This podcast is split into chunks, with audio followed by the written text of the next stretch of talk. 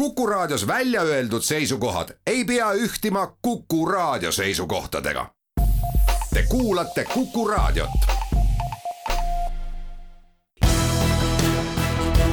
olukorrast ajakirjanduses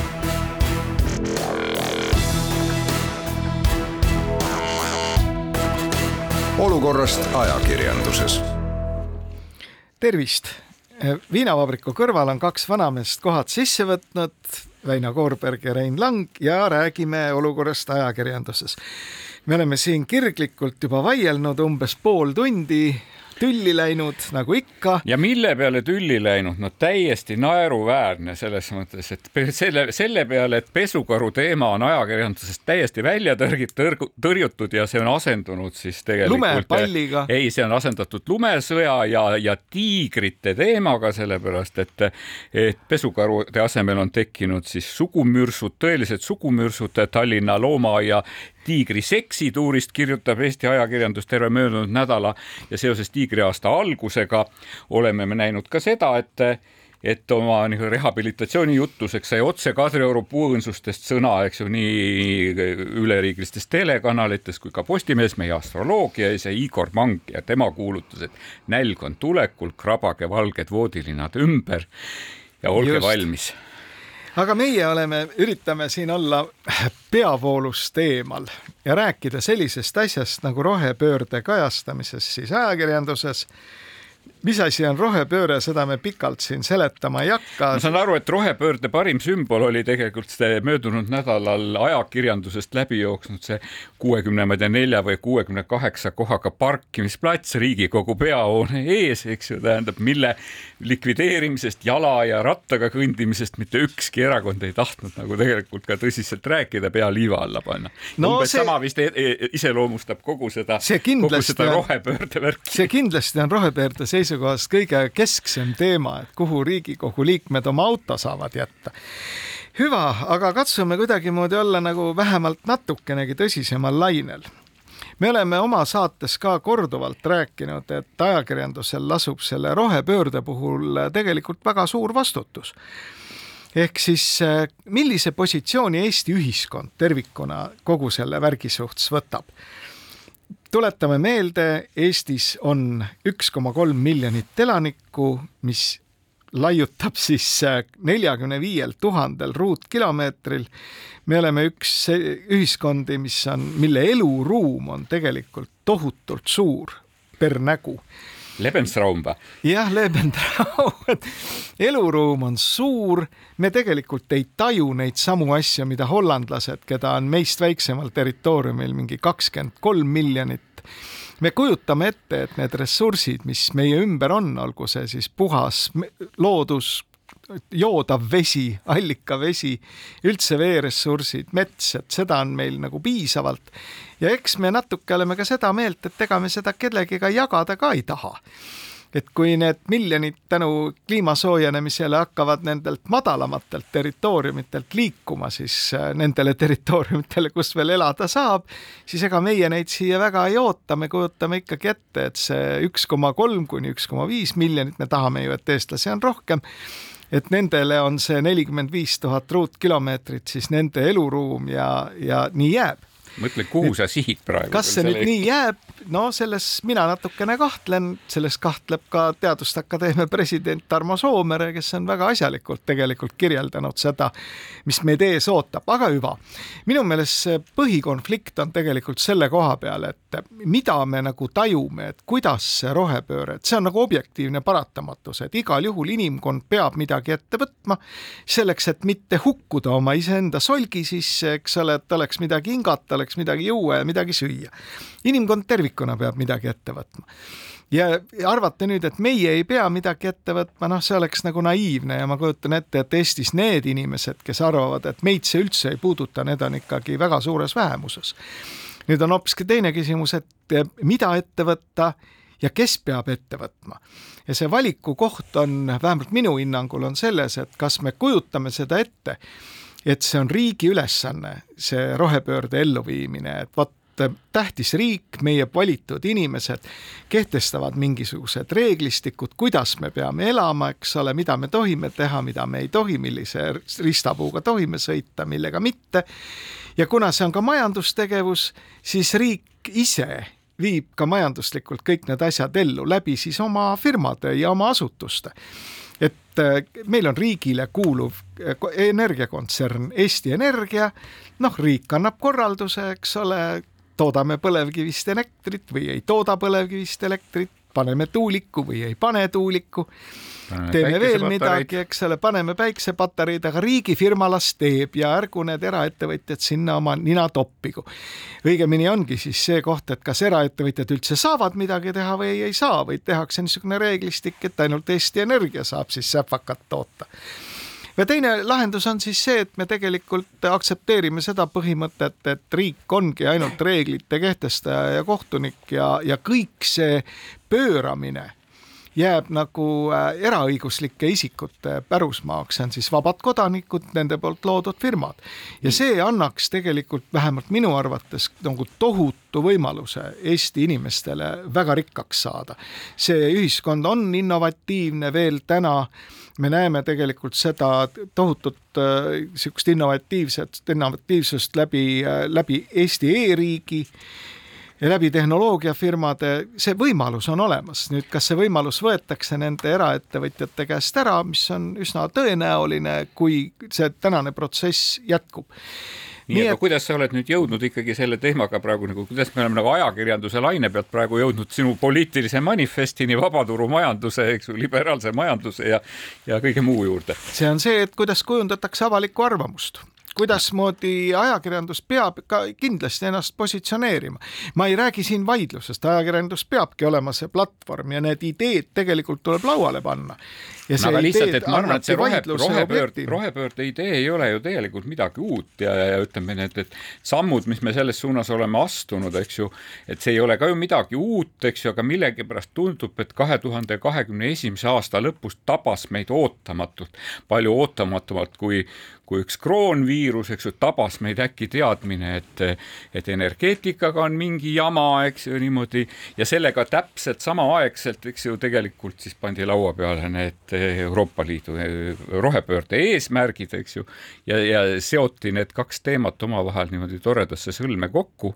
ja, ja tavalisel inimesel see siis väljendub nüüd siis kas detsembrikuu elektriarves ja, ja, ja jaanuarikuu elektriarves. Ja see on loonud nagu minu meelest ideaalse platvormi populistlikeks hõiseteks ühes ja teises suunas. no ma arvan, et sa tabasidki naelapea pihta siin, et ega siis kellelegi ei, need, kes asjaga kursis on, nendel ei olnud see Euroopa Komisjoni initsiatiiv mingi üllatus. Ja ka see sisu ei tulnud tegelikult neile üllatusena aga sellest ei võtnud Eesti ajakirjandus kuidagi kinni. Neid, me, mulle jääb selline mulje, et me endiselt targutame ja vaidleme selle üle, kas rohepööret üldse on vaja ja kas maakera siis soojeneb või ei soojene. mitte selle üle, mida ja kuidas me peame tegema ehk musternäidis oligi seesama Euroopa Liidu dokument, mille suhtes siis kõik riigid pidid kujundama oma arvamuse arvamuse kujundajaks on valitsus on riike, kus valitsusel ongi see sada protsenti tema ülesanne ja parlamendi asi on kõrvalt vaadata ja on väga palju neid riike, Eesti kaasa arvatud, kus parlamendil on selles suhtes suur roll. Eestis valitsus kujundas oma seisukoha, kõik ametnikud töötasid palehigis. parlament sõitis Bolti samal ajal. Parla-, parlament sõitis Bolti, no mitte päris parlamendis Euroopa Liidu asjade komisjon arutas sedasama dokumenti korduvalt, jõudis ka teha sinna mingisuguseid muudatusi, mingeid parandusi, aga avalikkusest läks see kõik no nagu hane selga vesi, läks lihtsalt mööda, jalutas mööda no,, selle... sest seda ei kajastatud. aga selle, kas selle, no selle, selle milles siis nagu küsimus on, et tegelikult meil neid nagu arutelusid ei teki, sest et sellest on möödunud nädalal ju tegelikult ka räägitud ja ja on olnud ju päris niimoodi tüvitekste ilmunud Eesti Ekspressis, Mati Maasika arvamuslugu näiteks, eks ju. et milles nagu see case siis on, kas küsimus on selles, et ajakirjandus on loid, kas küsimus on selles, et, et inimesed ei tunne selle vastu huvi? Või küsimused on selles, et poliitikud on selle teema tegelikult nagu hekseldanud nagu siukeseks sisse-välja mustvalgeks lülitiks ainult, eks ju, tähendab, kus sa saad olla poolt ja vastu ja kui sa oled vastu, siis sa, siis, siis sind tuleb tembeldada ohjeldada, silditada ja hävitada. ja ka vastupidi, aga siinkohal teeme väikse pausi kaubanduslikeks teadaanneteks. olukorrast ajakirjanduses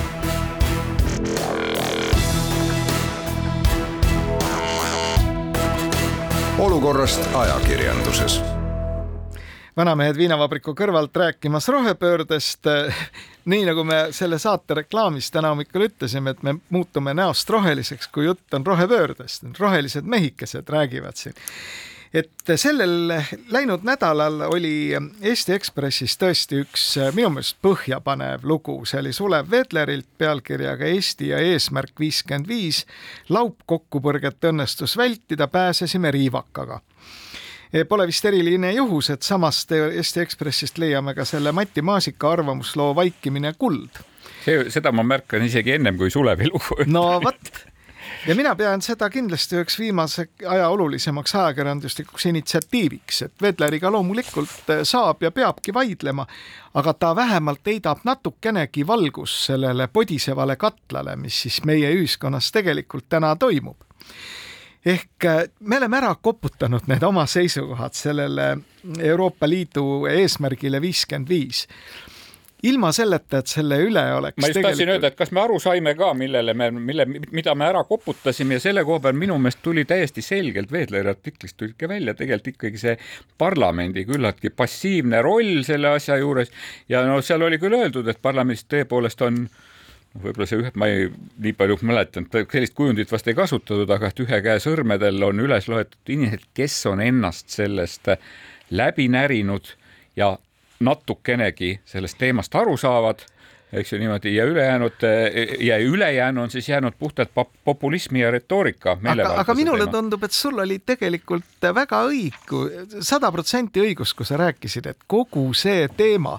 et me peame midagi tegema selle rohepöörde käigus, mis muudab meie elu ja muudab traditsioonilist suhtu, on asendunud sellega, kes kui palju Euroopa Liidust mingit raha saab. no ega ma sain aru, et nii kui ma mureliku suuga Sulev Veedleri loost välja lugesin ja, ja tegelikult ka Mati Maasika lugude ridade vahelt, et eks, et, et võib-olla on isegi häda selles, et, et me, et meil ei õnnestugi seda raha korralikult sealt Euroopa Liidust kätte saada ja välja küsida, aga aga tõepoolest, et ühtepidi meil ei ole olnud, meil ei ole olnud seda head ja üldist arutelu, mida noh, nii nagu normaalsetes ühiskondades eh, tehakse, seda arutatakse ilma, et nagu suu kinni, eks ju, tähendab eh, kommunistlik närakas, eks ju, ja kõik need muud, kõik need muud sildid, et need lendaksid selles, et me suudaksime ära kuulata vastuargumendid, eks ju, ja, ja, ja, ja me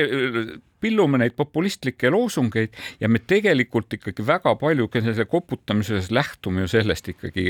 lähtume sellest vaenlase kujust, et kui, kui argument kõlab mõistlikult, aga tuleb, eks ju, meie opositsiooni suust, eks ju, siis see on ebamõistlik, eks ju, ja teda tuleb eirata ja nii edasi. minu meelest sellest kõik see asi saabki alguse ja sellest saab alguse lõpuks see, et, et, et noh, et, et Ida-Virumaa poole vaadatakse ikka jätkuvalt nagu mingisuguse, no okei okay,, mingi tossava koleda äh, pommiaugu poole poole, eks ju, tähendab rohepööre, eks ju, et, et, et paneme siis kinni ja vaadake, paneme, paneme siis need pagana elektrijaamad kinni ja vaadaku ise, mis saab. aga samas valitsus küllaltki nagu on, on ühtepidi välja käinud lubaduse investeerida ja aidata rahaliselt, eks ju, ja aidata ka Euroopa Liidu rahaga seda piirkonda, aga selle raha peale nagu kaarnada, eks ju, kogu Eestimaa kõikidest suundadest, eks ju, alates ülikoolidest ja lõpu, lõpetades, eks ju, äriettevõtetega sirutavad oma küüned välja, et saaks ainult seda raha ja saaks sellest potist midagi, et tühja see Ida-Virumaa, eks ju, ja nii edasi ja nii edasi. no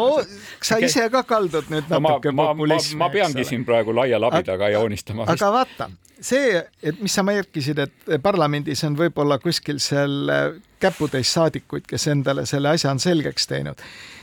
mina julgen väita, teades natuke Eesti parlamendi hingeelu, et jah, kümme kuni kakskümmend on sajast neid äh, saadikuid, kes teavad, millest jutt käib ja milles tegelikult on äh, need vastuolud ja milliseid poliitilisi otsuseid tuleb langetada nüüd ma arvan, et Eesti Vabariigi valitsuse liikmed vist ikka sada protsenti teavad seda, kuna neid on sellest piisavalt briifitud. ja Eesti ametnikkond riigi tasemel, no vähemalt pooled inimesed, kes selles masinavärgis töötavad, saavad küll aru ja on üsna kompetentsed selles osas nüüd minu meelest need inimesed täna vaikivad, sellepärast et ükskõik, millega nad sisuliselt ka lagedale ei tule, siis seda hakkab saatma mingisugune selline räige sõim, mida sa täpselt ju siin kirjeldasid. ja nüüd on nagu, nüüd on nagu see küsimus, et kas selle räige sõimu nagu generaatoriks on ajakirjandus või see jäi, räi, räige sõit, sõim, eks ju, pärineb sellest, et me ei oska arutleda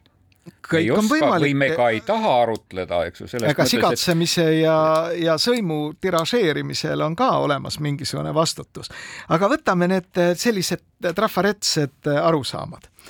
tuleb keegi, kes ütleb, et jah, et meil on nelikümmend viis tuhat ruutkilomeetrit, üks koma viis miljonit elanikku, eks ole, laias laastus. mida te õiendate, me kütame puudega nii palju, kui me tahame. Kuna meil on põlevkivi ja meie jalajälg kogu selles ülemaailmses mängus on niivõrd väike, siis paneme seda ainult ahju, pole probleemi. Oleme ausad, see mõtteviis on üsna levinud. Ja kui see mõtteviis eksisteerib, see leiab ka siis poliitikud, kes hakkavad sellel mõtteviisil tantsima. Kui ma kuulen endist kaitseväe juhatajat Riho Terrast, kes saab väga palju meediaruumi tänu sellele, et ta on Euroopa Parlamendi saadik, loogiline, tema arvamusi pannakse tähele, siis mis sealt nagu kõlama jääb? et meile tahetakse liiga teha, Eesti põllumehele tahetakse liiga teha, Eesti põllumees ei tohi kasutada enam selliseid väetisi, mis kurnavad äh, maailma loodust. Eesti ei tohi visata põlevkiviahju, meile tehakse liiga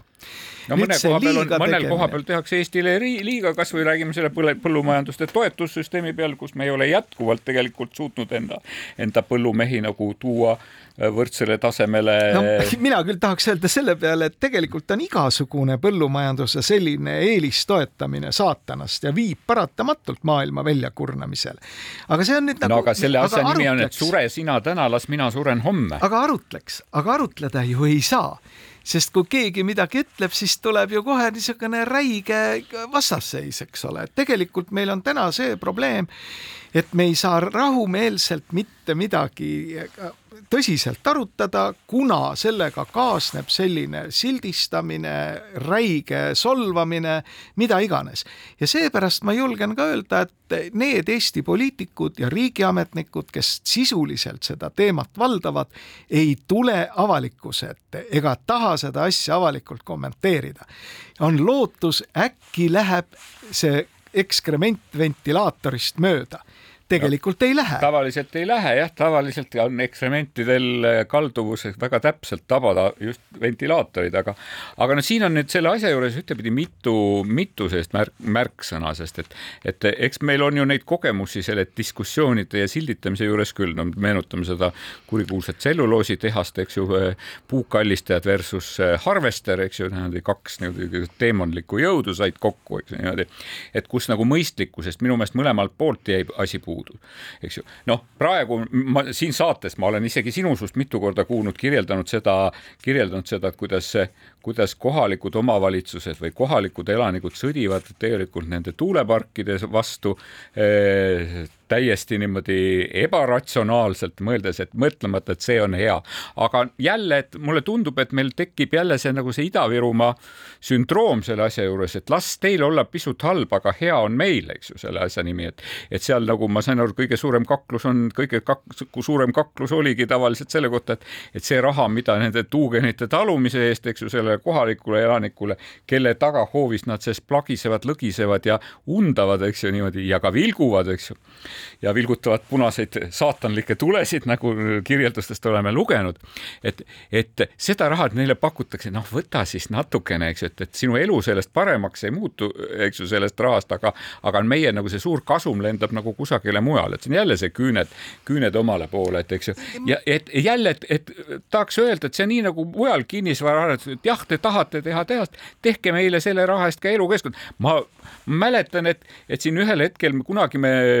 kunagi vist isegi väga halvasti kirjeldati seda keskerakondlikku Tallinnat, kes ütles, et selle eest, et selle eest, et saad siin poe püsti panna, eks ju, ehita meile välja ka ristmik, eks ju niimoodi. et, et Tallinn eh, seadis selliseid tingimusi, võib-olla seal käis midagi kolmandik sulas kah, ma ei julge seda väita, aga et no täpselt samamoodi, et kui tuugenite eest, eks ju, eh, seal tuugenite naabruses elavate inimeste elu muutub superheaks eks ju, siis minu meelest on see win-win olukord, eks ju. aga, aga kui nagu küsimus on selles, et, et küsimus on selles, las teil ole halb, eks ju, ja meil on hea, et siis see ei vii kaugele nagu. aga vaata,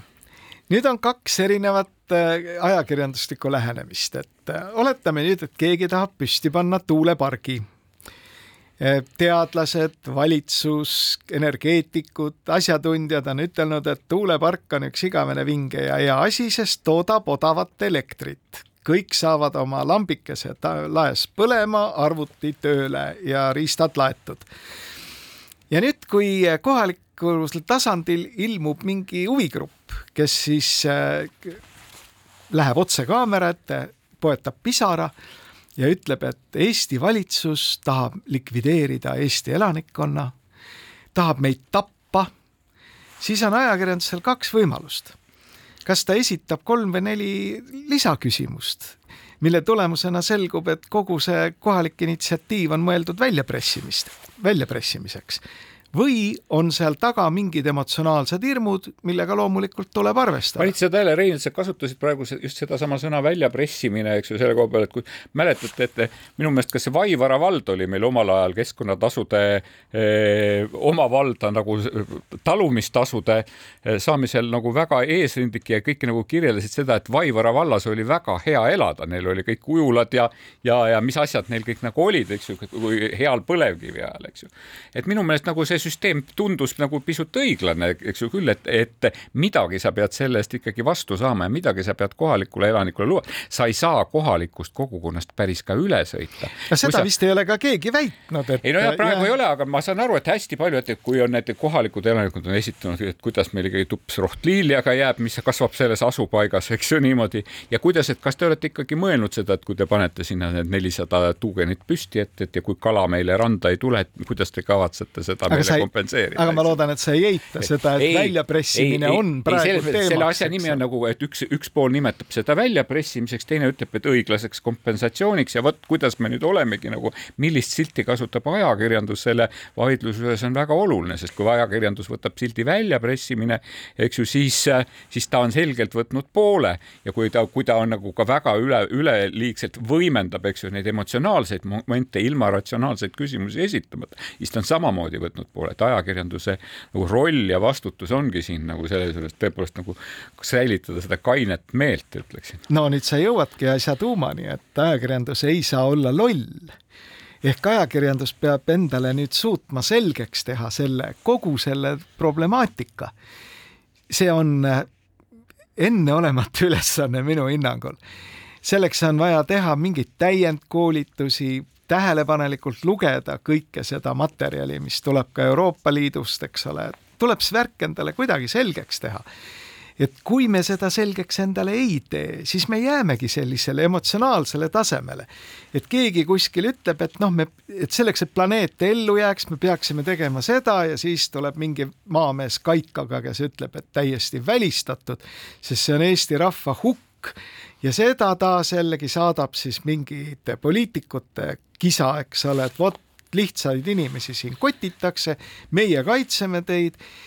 ja kahekümne kolmanda aasta valimistel võtab see nii-öelda eliidivastasus sellise vormi, et me valimegi endale siis äh, Riigikogu, mis hakkab tegema jumal teab mida, eks ole, rohepöörde asemel. ehk muut-, Eesti võib muutuda selliseks omaaegseks Albaaniaks selline sissepoole kapseldunud, eks ole, kus riik määrab kõike ja oma riigifirmade kaudu askeldab. Rein, Rein, kas sa, mulle tundub, et sa oled praegu läinud sellesama hirmutamise teed, et täpselt samamoodi ma nagu väga eh, mäletan, mäletan, ma mäletan sellist hirmutamist ühest aktuaalsest kaamerast, eks ju, suhteliselt vist minu meelest oli Eesti Euroopa Liitu astumise hääletamise eelõhtul, eks ju, kus tuli sõbraliku naaberriigi suursaadik, eks ju, kes ütles, et kui te nüüd poolt ei hääleta, siis Eesti muutub Albaaniaks, eks no nii, see ei ole ka nagu päris õige. selle koha peal kaubanduslikud teadaanded Ala, Al, Albaania kaubad, teenused. olukorrast ajakirjanduses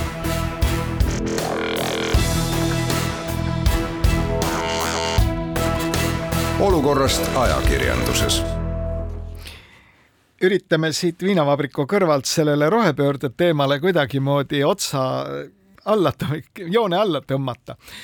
Et ma arvan, et see tees, meie soovitus ajakirjandusele oleks seal kindlasti see, et tehke see värk endale nagu üksipulgi selgeks ja ärge jääge rongist maha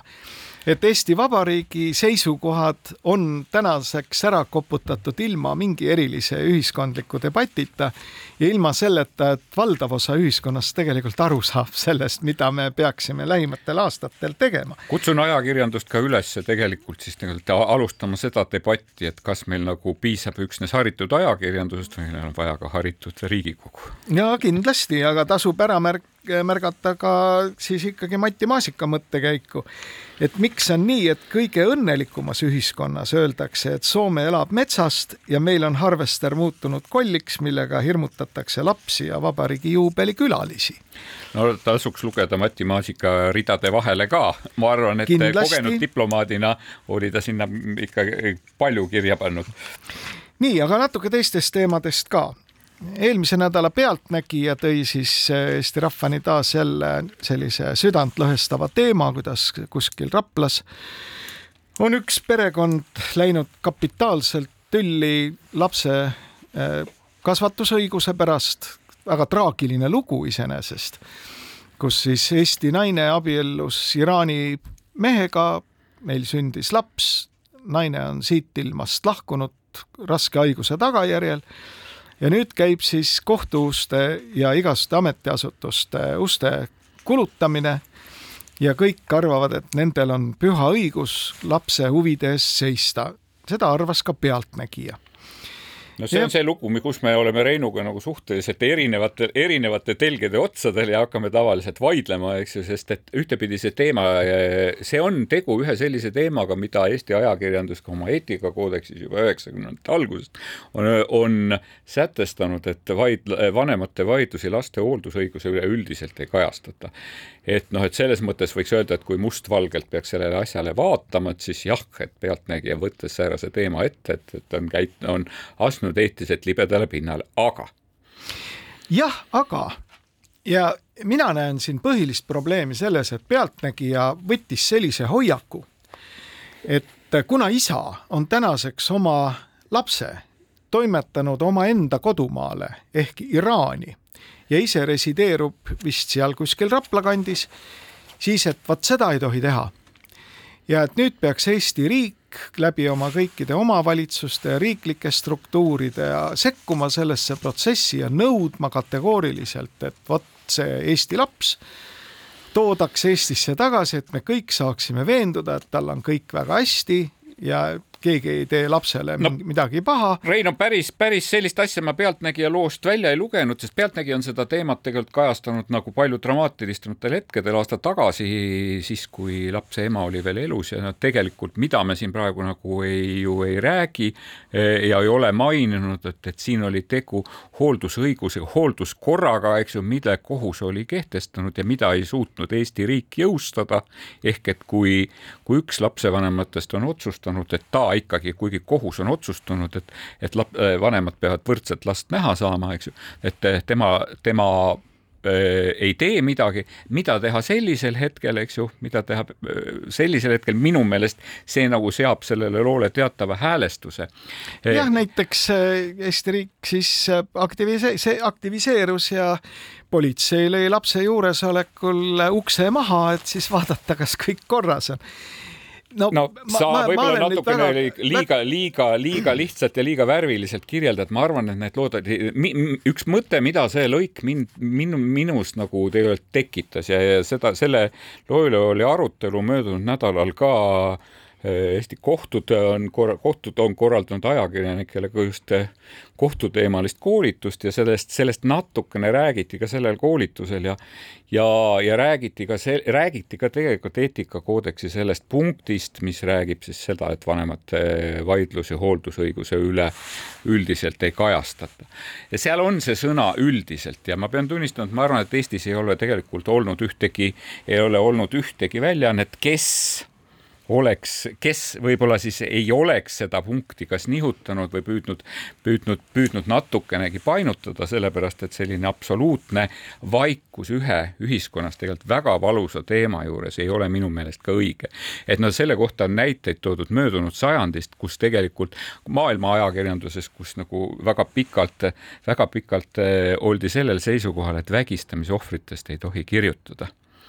et neid ei tohi ja, ja, ja, ja see on nagu see niisugune tabuteema ja, ja, ja siis selgus, et see nagu vägistamise ohvrite teema kaduski tegelikult nagu meediast ära. Ja, ja ühel hetkel tekkisid nende, tekkis siis nagu vastasjõud ehk needsamad vägistamise ohvrid ütlevad, andke meile hääl, andke meile sõna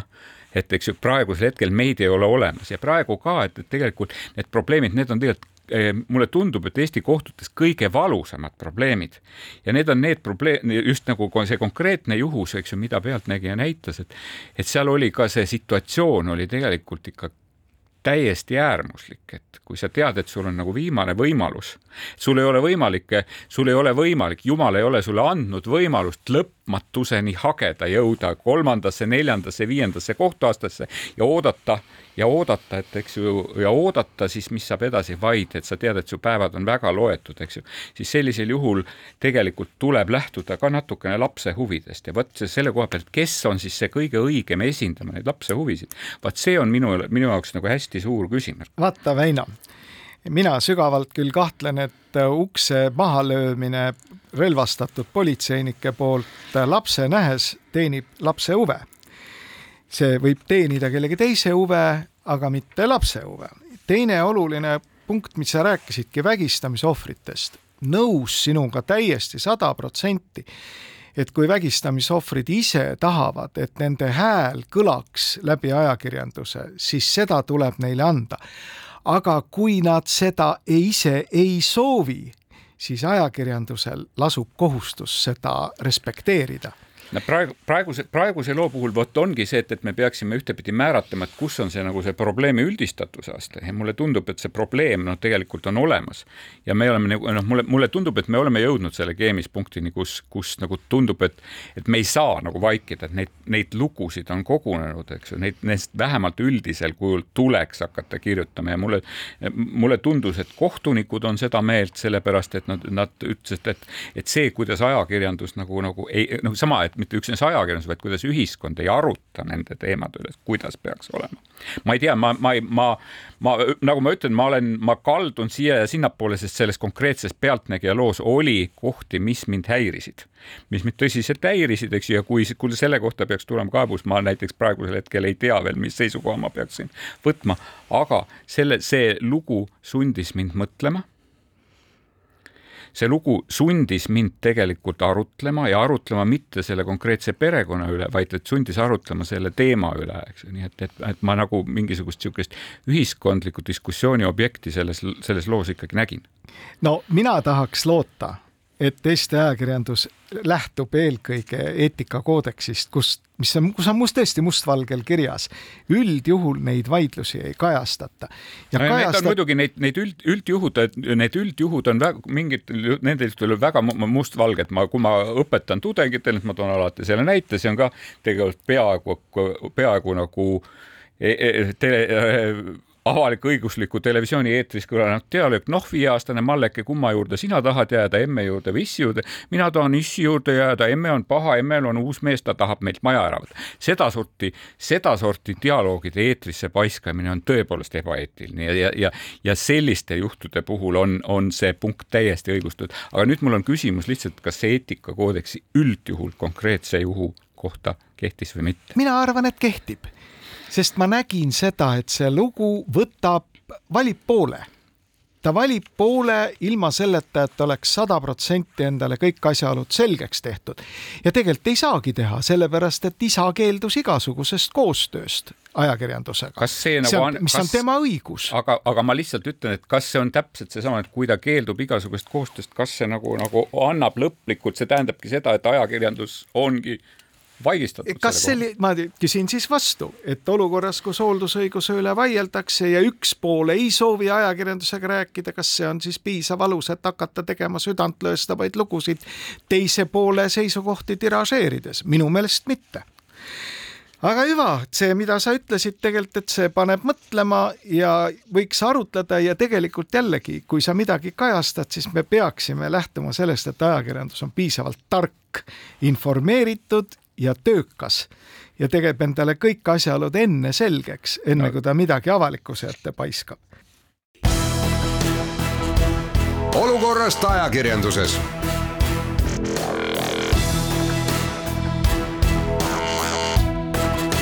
Olukorrast ajakirjanduses Veino Korberg ja Rein Lang viinavabriku kõrvalt räägivad veel mõnest ajakirjanduslikust teemast. meile on silma jäänud tõsielusari Kaks teadusnõukoda. et äh, uus teadusnõukoda on ametis, ametlikult Toivo Maimets seda juhatab. Toivo Maimetsa ja tema tiimi seisukohti ajakirjanduses võib lugeda. noh, Toivo on ütelnud ka avalikkusele, et kõigepealt saavad teadusnõukoja seisukohtadest teada valitsuse liikmed. verevande on ta andnud, eks. verevande on andnud, samal hetkel koguneb siis teine teadusnõukoda eesotsas Irja Lutsari ja Jüri Ratasega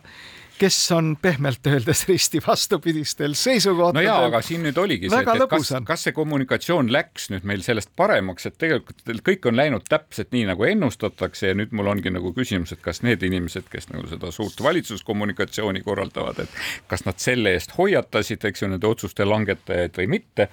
et noh, seesamune, et, et mitte keegi ei tühista nagu tegelikult seda eelmist teadusnõukoda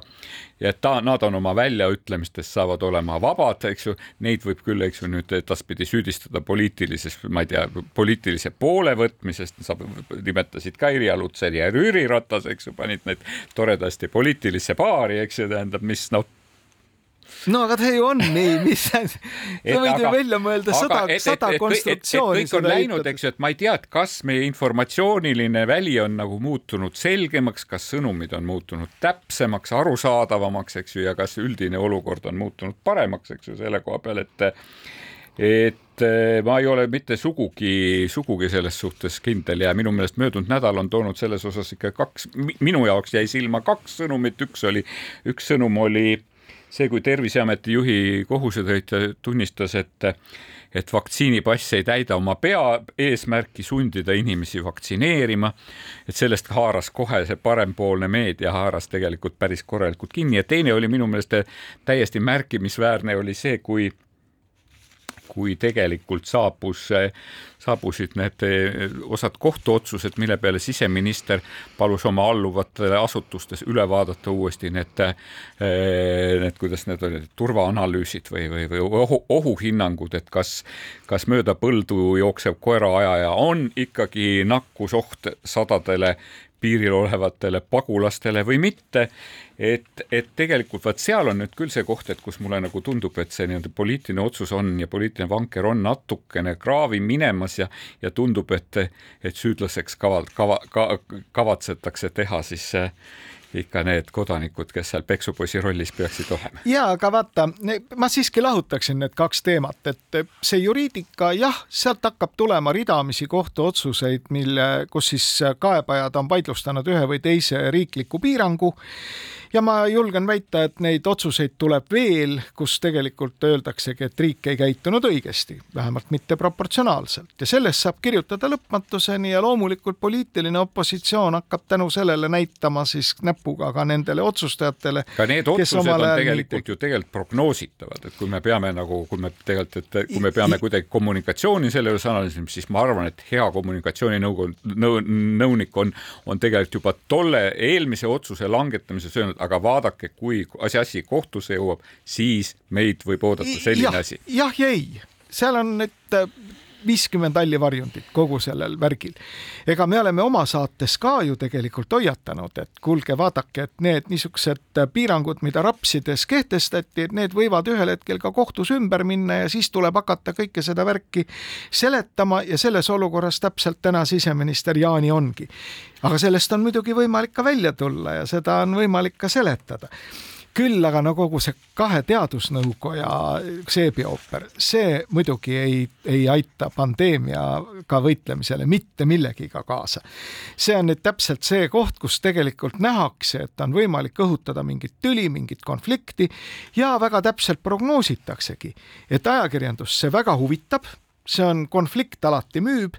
ja sellele köötakse hagu alla nii et kui äh, me vaatame, kui algusest peale oli selge, et äh, uus teadusnõukoda võtab selle hoiaku, et kõigepealt nad vaidlevad omakeskis asja selgeks, siis presenteerivad seda valitsusele, siis oli muidugi sinna sisse programmeeritud ka see, et need, kes tahaksid nende ütleme, valitsuse äh, seisukohtadega vaielda, need saavad sammukese eespool siis omaenda tõde kuulutada. no paratamatult, aga Rein, mis lahendust, mis, la, mis lahendust sa selle juures näed, et kas neid tuleks summutada, vaigistada, kott pähe, eks ju, tähendab võtta ära luba, eks ju, avalikkuses esineda, sellepärast et ma lihtsalt ütlesin, et selle eelmise nõukoja laialisaatmisega, eks ju, tegelikult nagu noh, minu meelest anti neile ju blanko volitus rääkida ja rääkida, et noh, et selles mõttes, et ühtepidi teadlane räägib seda, mida ta on mida ta on uurinud milles, e-, ega sulle äkki ei tule meelde, et sa ise olid ülikriitiline seda informatiivse segaduse suhtes, mis valitses eelmise teadusnõukoja ajal. ei, seda Ehk küll, oligi... ei ma olengi, aga, aga ma nagu tahaks nüüd öelda, et kes peaks seda korda looma keset seda, keset seda suurt segadust, et kas, kas see peaks olema Irja Lutsari ülesanne, kelle poole praegusel hetkel, kes vaieldamatult on selle valdkonna üks spetsialist, kelle poole pöördutakse ka ilma selleta, et ta oleks teadusnõukoja esimees eks ju, ja küsitakse tema arvamust, eks ju, mingisuguste teemade kohta. ega siin ei ole tegelikult head lahendust et loomulikult see on täiesti arusaadav, et kui teadlased on erinevatel seisukohtadel, siis need erinevad seisukohad demokraatias peaksid saama ka kajastatud. halvaks hakkab asi minema siis, kui see kõik omandab sellise poliitilise kemplemise maigu ja see ongi, muutub manipulatsiooniks ehk siis kasutades ära avalikult kokku lepitud mehhanismi, sa tuled ise välja mingi uue mehhanismiga, lootes sealt koguda poliitilisi punkte. ja see on nüüd koht, mille ajakirjanik võiks ära tabada, et kui keegi tahab manipuleerida, siis tingimata sa ei pea ennast muutma selleks tööriistakastiks selle seda küll, aga ma lihtsalt ütlen, et ajakirjandus tegelikult ka hoiatas selle kahe, kahe teadusnõukoja eest, eks ju, ja ajakirjanduses minu meelest eh, päris Vilja Kiisler kirjutas väga terava, väga terava arvamusartikli vist sellel, peaaegu sellel päeval, kui see teine nõukogude välja kuulutati või eelmine lahti lasti. aga see väga ilusti minu meelest haakub selle rohepöörde teemaga, et ka siin on tegelikult mitmeid erinevaid arvamusi ja kui need arvamused hakkavad minema sellise poliitilise punkti võtmiseks, siis see on lihtsalt mage ja sellega tegelikult ei jõuta mitte kuhugi välja sellega jõutakse välja sellise eh, ülepingestatud valimiskampaaniani, mis saab siis alguse kahekümne kolmanda aasta alguses, valimised on märtsis ja, ja valimistulemusteni, mis võivad olla täiesti ettearvamatud, mis võivadki viia siis olukorrani, kus Eesti kaotab järjekordselt viis aastat siis selle, seda aega, mida, mida võiks kasutada väga ratsionaalselt. Eesti kaotab viis aastat, aga, aga mulle tundus, et Kelly Sildaru kaotas kuldmedalid nojah, Seebi ooper nimega Pekingi olümpiamängud on muidugi ka me, meie lemmikteema, et see on nüüd huvitav huvitav spordivõistlus, mis jah, kulmineerub sellega, et kogu aeg tuleb kõndida ringi pulk ninas ja ja ma arvan, et sportlased jälgivad ka suuri, suurema tähelepanuga seda, mis on siis nende konkurentide testi tulemused. Mitte sportlikud tulemused. no aga minu meelest see, see, see nimetatud spordi, spordi kujundamine, eks ju, tähendab koroonatestidega ei alanud mitte Pekingi olümpiamängudel, et me nägime seda juba Australian Openil, eks ju, kus vist mulle tundus, et, et tennise tennis, tennise valitsevad meistrid ei selgunud mitte, mitte väljakul, tenniseväljakul, vaid tegelikult selgusid äh, vaktsineerimistelkide juures, eks ju, aga, aga mida me ütleme selle, selle olümpia kohta, et äh, me ju nüüd nägime seda, et kuidas uiguurid said lippu kanda, eks ju niimoodi ja tuld süüdata ja me nägime nagu, me nägime Hiinat kui kõikvõimsat demokraatlikku ja ma ei tea, mis veel riiki, eks ju. ja minu meelest oli hästi-hästi sümptomaatiline, minu meelest ERR-i portaalist ERR-i portaalist lugesin suurepärast olümpiablogi, Maarja Värvi olümpiablogi, kus ta kirjeldas, kus ta kirjeldas Kelly Sildaru intervjuud, et kuidas, kuidas tuli tema pressikonverentsil Hiina Kommunistliku Partei häälekandja Renmin Ribao ajakirjanik ja hakkas talle esitama kümnekaupa küsimusi, et kuidas talle ikkagi, kuidas ta ikkagi, kuidas talle ikka meeldib suurepärane olümpiamängude korraldus, eks ju, ja, ja mida ta ootab meie suure presidendi nagu suurepärasest esinemisest, ava, avatseremoonial ja nii edasi. Väino, saade on läbi me ei jõudnud rääkida ei kohtupidamisest, ei Vene telekanalitest. me ei jõudnud tahtsime, isegi, me ei tahtnud rääkida Eesti Laulust ja me tahtsime, ka ei räägi sellest. tahtsime ironiseerida selle olümpiakorralduse suhtes aga loomulikult see, me ei saa sellest äh, Eesti Laulust kohe üle ja ümber ja meil oleks ettepanek, et kuna väga häid lugusid eest ei tulnud, äh, ei jäänud sõelale, siis äh, järgnev lugu võiks Eestit minna esindama Äh, olümp-, mitte olümpiamängudele, vaid äh, Eurovisiooni lauluvõistlusele. hästi ära unustatud vana lugu. see on äh, loominguline kollektiiv D-Gän, oh lenda nüüd oh muusikaline mõte ja loo nimi on Seib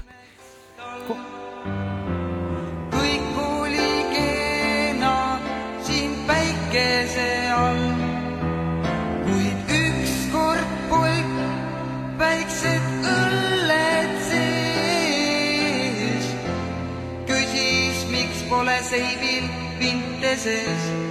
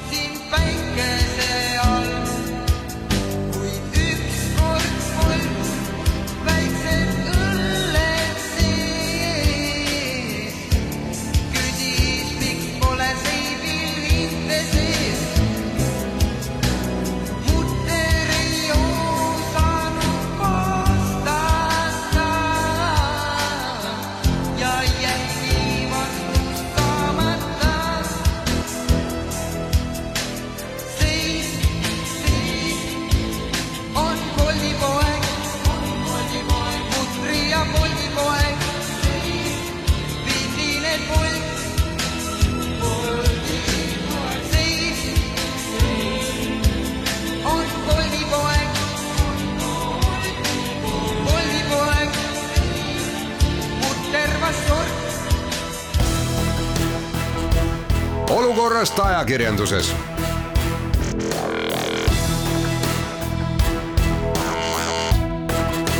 olukorrast ajakirjanduses